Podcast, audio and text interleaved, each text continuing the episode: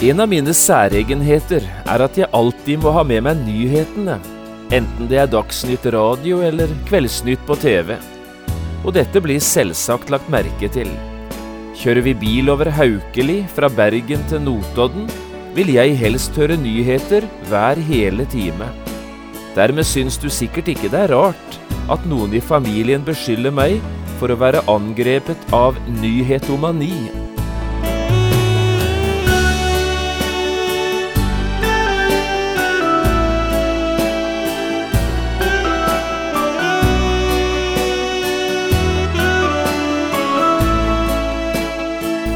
Hjertelig velkommen til et nytt program i serien Vindu mot livet. Programmet er produsert av Kristen Riksradio og blir ledet av Jon Hardang. Dette programmet er produsert med støtte fra Havila AS.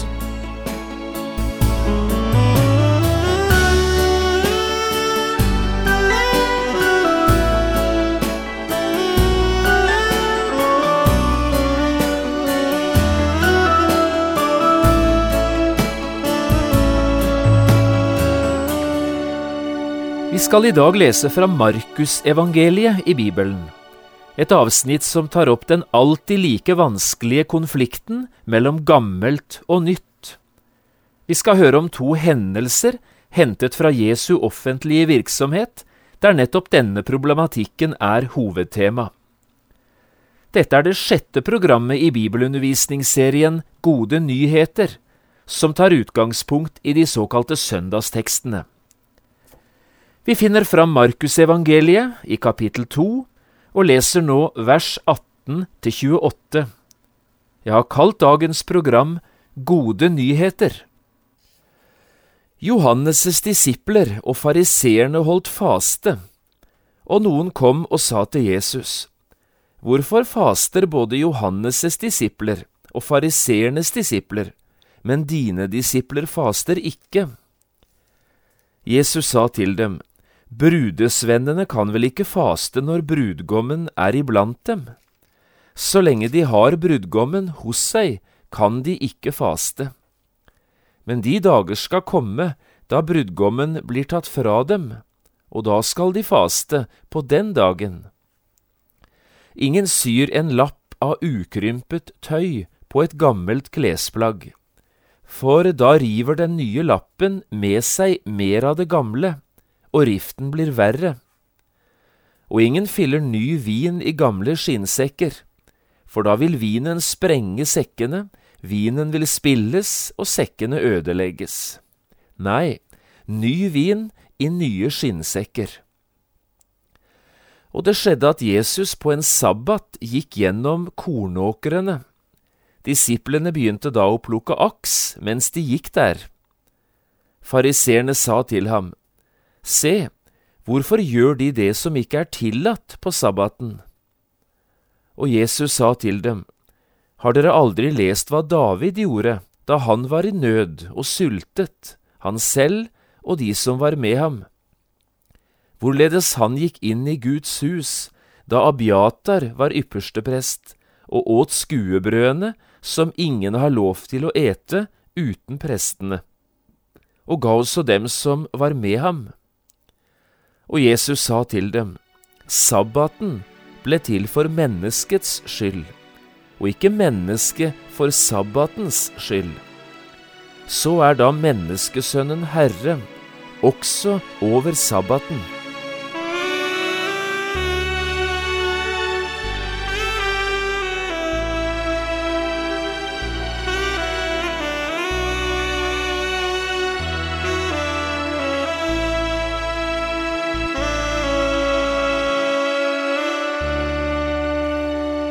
Vi har alle våre særpreg og våre særegenheter. Det gjelder også en radiopastor i Kristen Riksradio.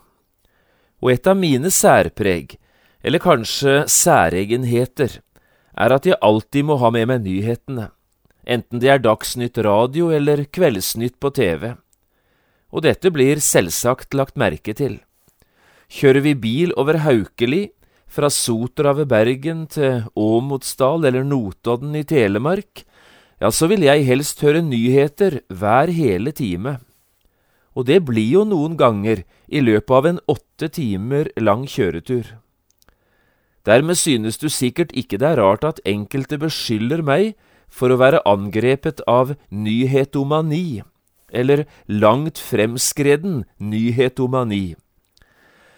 Og kanskje er det nettopp dette, min langt framskredne nyhetomani, som de kaller det, som er grunnen til at jeg både har lagt merke til og er blitt utrolig glad i alt det som står i Bibelen om noe nytt som skal skje. Alle de gode nyhetene som møter oss i Bibelen, i Guds ord, syns jeg er strålende sannheter å lese. Og før vi nå går direkte inn på det bibelavsnittet vi nettopp leste sammen, som også er et avsnitt om gode nyheter, så la meg få lov å ta fram litt av hvordan Bibelen hele veien snakker om at det nye skal bryte fram. Hovedordet i Bibelen for dette store frelsesbudskapet som Gud har møtt oss med, det er ordet evangeliet. Og det ordet, det betyr jo rett og slett gode nyheter. Bare det må være et signal om at Gud er gode nyheters, framtidens Gud. Og skulle jeg så nevne ett konkret bibelavsnitt som på en måte sammenfatter alt det Gud har hatt for seg i denne verden, ja, så måtte det være avsnittet i Jesaja 43, jeg tenker på vers 18 til 21. Hør på disse ordene. Kom ikke i hu de forrige ting, akt ikke på fortiden. Se, jeg gjør noe nytt, nå skal det spire fram, skal dere ikke kjenne det? Ja, jeg vil gjøre en vei i ørkenen, strømmer i ødemarken. Det folket jeg har dannet meg, skal forkynne min pris. Det er ikke vanskelig å høre hva Gud her har på hjertet, syns du vel? Det er de gode nyhetene fra Gud til sitt eget folk, altså både til Israel den gangen, men også til deg og meg i dag. Og nettopp dette finner vi en rekke eksempler på gjennom hele Bibelen. Nå skal du få et lite knippe av gode nyheter fra Guds ord. Først litt fra Det gamle testamentet. Vi har allerede lest ett avsnitt fra profeten Jesajas bok, men vi kan jo ta med enda et par vers. Jesaja 42, 9. De ting som er forkynt tidligere, se, de er kommet, og nå forkynner jeg nye ting. Før de spirer fram, lar jeg dere høre om dem. Eller Jesaja 40, 31. De som venter på Herren, får ny kraft. Og så tenker jeg ikke minst på profeten Esekiel. Her er det mange gode nyheter å høre. I kapittel 36 leser vi det for eksempel slik. Gud sier, Jeg vil gi dere et nytt hjerte, og en ny ånd vil jeg gi i dere. Jeg vil ta bort steinhjertet av deres kjød og gi dere et kjødhjerte. Min ånd vil jeg gi inne i dere, og jeg vil gjøre det så at dere følger mine bud og holder mine lover og gjør etter dem. Dere skal bo i det landet jeg ga deres fedre, og dere skal være mitt folk, og jeg vil være deres Gud. Det var sannelig gode nyheter å høre til et folk som nå var bortført som fanger til Babel. Og så litt fra Det nye testamentet. Til rådsherren Nikodemus hadde Jesus gode nyheter å komme med. Sannelig, sannelig sier jeg deg, uten at den blir født på ny, kan han ikke se Guds rike. Og i andre Korinterbrev 5,17 skriver Paulus det slik. Derfor, om noen er i Kristus, da er han en ny skapning. Det gamle er forbi. Se, alt er blitt nytt. Og første Korinterbrev er jo et brev som i sin helhet taler om gode nyheter. En ny grunnvoll, et nytt liv, et nytt folk, en ny tjeneste og et nytt håp. Og så i Hebreerbrevet 8, der tales det om en ny pakt som Herren vil opprette mellom seg og sitt folk. Og her skriver forfatteren i vers 13. Hør på dette. Når han taler om en ny pakt, har han dermed erklært at den første er foreldet. Men det som blir foreldet og gammelt, er nær ved å bli borte. Og så til slutt Johannes' åpenbaring. Her rulles den ene nyheten opp etter den andre. Vi får høre om et nytt navn, et nytt Jerusalem, en ny sang, nye himler og en ny jord. Ja, Gud selv sier, Se, jeg gjør alle ting nye. Igjen ser vi det altså også i Det nye testamentet. Bibelen er full av gode nyheter. Den som dermed vil se framover, og selv vil være en som har en framtid, han skal lytte til det Gud sier i sitt ord, og han skal innrette seg etter det. Men dette at noe kalles nytt, betyr jo også at det er noe som dermed blir kalt for gammelt, og at det nye bryter fram, det vil som regel gå på bekostning av det gamle som allerede er en virkelighet. Og i dette ligger det en spenning, ofte en stor spenning, nemlig spenningen mellom gammelt og nytt. Og det er denne spenningen vi møter nettopp i det bibelavsnittet vi har foran oss i dag, fra Markus 2 og vers 18. Kanskje vi nå skulle prøve å se litt nærmere på det vi her leste. Denne bibelteksten består jo egentlig av to bibeltekster, eller to ulike beretninger, om du vil. Først skjedde det at noen, uten at vi helt vet hvem de var, kom til Jesus og begynte å snakke med han om faste. Døperen Johannes' disipler, de fastet, og fariseernes disipler, de fastet de også. Men Jesu disipler, de gjorde det ikke. Det Jesus altså praktiserte, var noe helt nytt. Men hvorfor ba ikke også Jesus sine disipler om å faste? Det var spørsmålet. I det andre avsnittet får vi høre om sabbaten, at Jesu disipler en av disse sabbatene begynte å plukke aks mens de gikk gjennom en åker. Det var jo i strid med Moseloven, i alle fall slik fariseerne formulerte det. Og dermed kommer spørsmålet til Jesus nettopp fra fariseerne. Hvorfor gjør dine disipler det som ikke er tillatt på sabbaten? Dette var noe nytt og uvant, og noe som etter deres mening også var direkte galt. Det er disse to historiene som nå danner bakteppe for det Jesus taler om denne dagen. Og det Jesus nå tar fram, det handler altså om spenningen mellom gammelt og nytt. Nå skal ikke jeg kommentere det som skjer, vers for vers. Jeg vil heller prøve å ta det fram litt mer tematisk. For meg handler det Jesus her formidler, rett og slett om tre gode nyheter.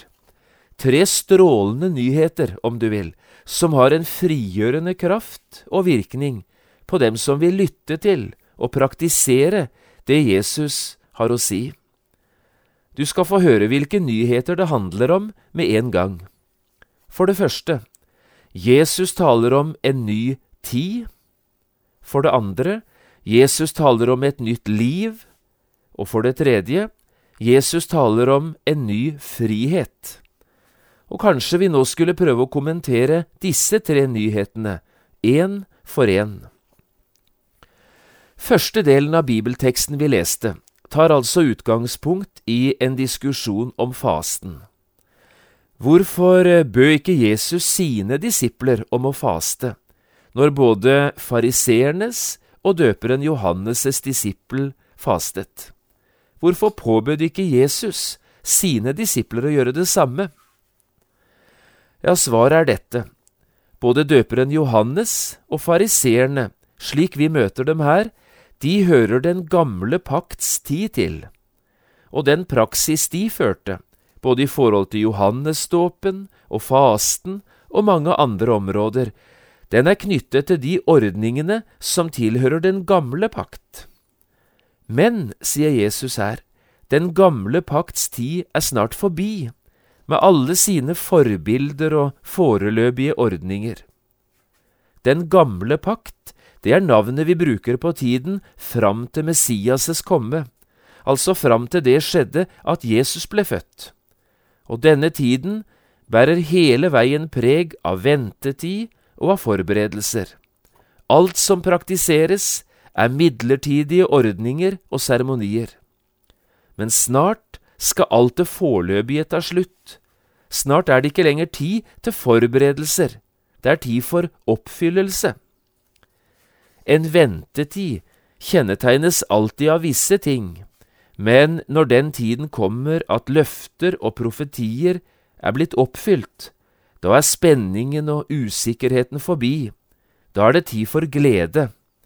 Det du venter på, er jo blitt oppfylt. Det er dette Jesus sikter til når han her snakker om brudgommen og brudesvennene. Brudesvennene kan vel ikke sørge, faste, når brudgommen er iblant dem. Så lenge de har brudgommen hos seg, kan de ikke faste. Du forstår dette bildet, ikke sant? Messias er kommet, og de som har sett det og forstått det, blir fylt av en helt ny glede. Den nye tid er kommet, ikke tid for bønn og bot, med fasten som et uttrykk for det, men tid for glede og takknemlighet, tid for lovsang og jubel. For deg og meg som lever i dag, så betyr dette, vi skal ikke lenger vente på at redningsmannen, frelseren, skal komme. Han er kommet, Jesus Kristus, Guds sønn. Nå handler det ikke om å prøve å blidgjøre Gud ved fromhet eller gode gjerninger. Det handler om å gjøre bruk av den frelse som Jesus selv allerede har gjort ferdig for oss. Du blir ikke frelst ved å faste og be. Du blir frelst ved å takke og ta imot. Denne nye tid er kommet, frelsens dag, som tiden kalles i Guds ord. Og så det andre. Jesus taler om et nytt liv. Det er kanskje ganske dramatiske bilder de Jesus bruker, når han nå fortsetter med å snakke om det nye livet. For den nye tiden bærer også med seg mulighetene for et nytt liv. Jesus sier det slik, ingen syr en lapp av ukrympet tøy på et gammelt klesplagg. Da river den nye lappen med seg mer av det gamle, og riften blir verre. Ingen fyller heller ny vin i gamle skinnsekker, for da vil vinen sprenge sekkene, vinen vil spilles, og sekkene ødelegges. Nei, sier Jesus, ny vin i nye skinnsekker. Dette er to bilder som begge taler om det nye livet, og som også forteller at det nye livet trenger helt nye livsformer. Disse ordene av Jesus er både klare og tydelige. Det gamle og det nye må altså ikke blandes sammen. Prøver du for eksempel å kombinere det nye livet med gamle livsformer, da vil det ikke bare være vanskelig å få det til. Resultatet blir rett og slett at du gjør vondt verre. Riften blir enda verre, for å bruke Jesu egen ord. Diskusjonen mellom liv og livsformer er en gammel diskusjon. Alle forstår jo at begge deler er viktig, og at begge deler hører med. Alt liv må finne sin egen form, og ikke presses inn i ubrukelige livsformer. Og gode og rette former, de kan selvsagt verne om livet, de kan ta vare på livet, men former skaper ikke liv. Det er det bare Jesus selv som kan gjøre. Derfor må vi si til hverandre, gå til Jesus og ta imot det nye livet av Han, det evige livet. Men ikke prøv å presse dette nye livet inn i gamle livsmønstre. Det passer ikke, verken med religiøse eller med versliggjorte livsformer. Livet med Jesus, det må finne sitt eget løp og sin egen form. Og dermed er vi over på siste delen av det vi leste i dag, nemlig historien om det som skjedde da Jesu disipler begynte å plukke aks på sabbaten. Det vi her får høre, er den tredje gode nyheten. Nå taler Jesus om en ny frihet. Å plukke aks på sabbaten, det var strengt forbudt, iallfall slik fariseerne tolket Moseloven. Dermed gikk det ikke lenge før kritikken nådde Jesus. Fariseerne sa til ham, Hvorfor gjør dine disipler det som ikke er tillatt på sabbaten? Nøkkelen i svaret Jesus kommer med, finner vi i disse ordene. Sabbaten ble til for menneskets skyld, og ikke mennesket for sabbatens skyld. Menneskesønnen er herre også over sabbaten. Med dette er det som om Jesus ville ha sagt, det er ikke Gud som trenger sabbat, det er du og jeg som trenger den. Det er ikke menneskene som skal ta vare på helligdagen eller hviledagen. Det er helligdagen, det er hviledagen som skal ta vare på oss. Slik Gud brukte den sjuende dagen til hvile og til å betrakte sitt verk, slik skal også du og jeg i fullkommen frihet få lov å bruke denne dagen, ikke som et påbud eller som en tvang, men som en strålende mulighet til hvile og rekreasjon etter en lang arbeidsuke, og ikke minst som en god mulighet til å betrakte Guds store frelsesverk, både gjennom Guds ord og det kristne fellesskapet. Og når det gjelder diskusjonen om sabbat eller søndag, da har jeg bare dette å si. For det første, ingen av oss er fritatt for den skaperordningen som betyr du skal arbeide i seks dager og hvile på den sjuende. Men hvilken ukedag vi velger, er vi fullkommen fri til å bestemme selv. Jødefolket, de fikk beskjed om sabbaten, den sjuende dag i uken, gjennom Moseloven. Men heller ikke her skal det nye livet presses inn i gamle livsmønstre. Og personlig synes jeg Kristi oppstandelsesdag, første dag i uken, er en strålende måte å bevare skaperordningen på.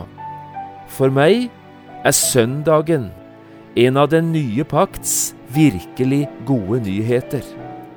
Dette er en god måte å feire både hviledagen og helligdagen på.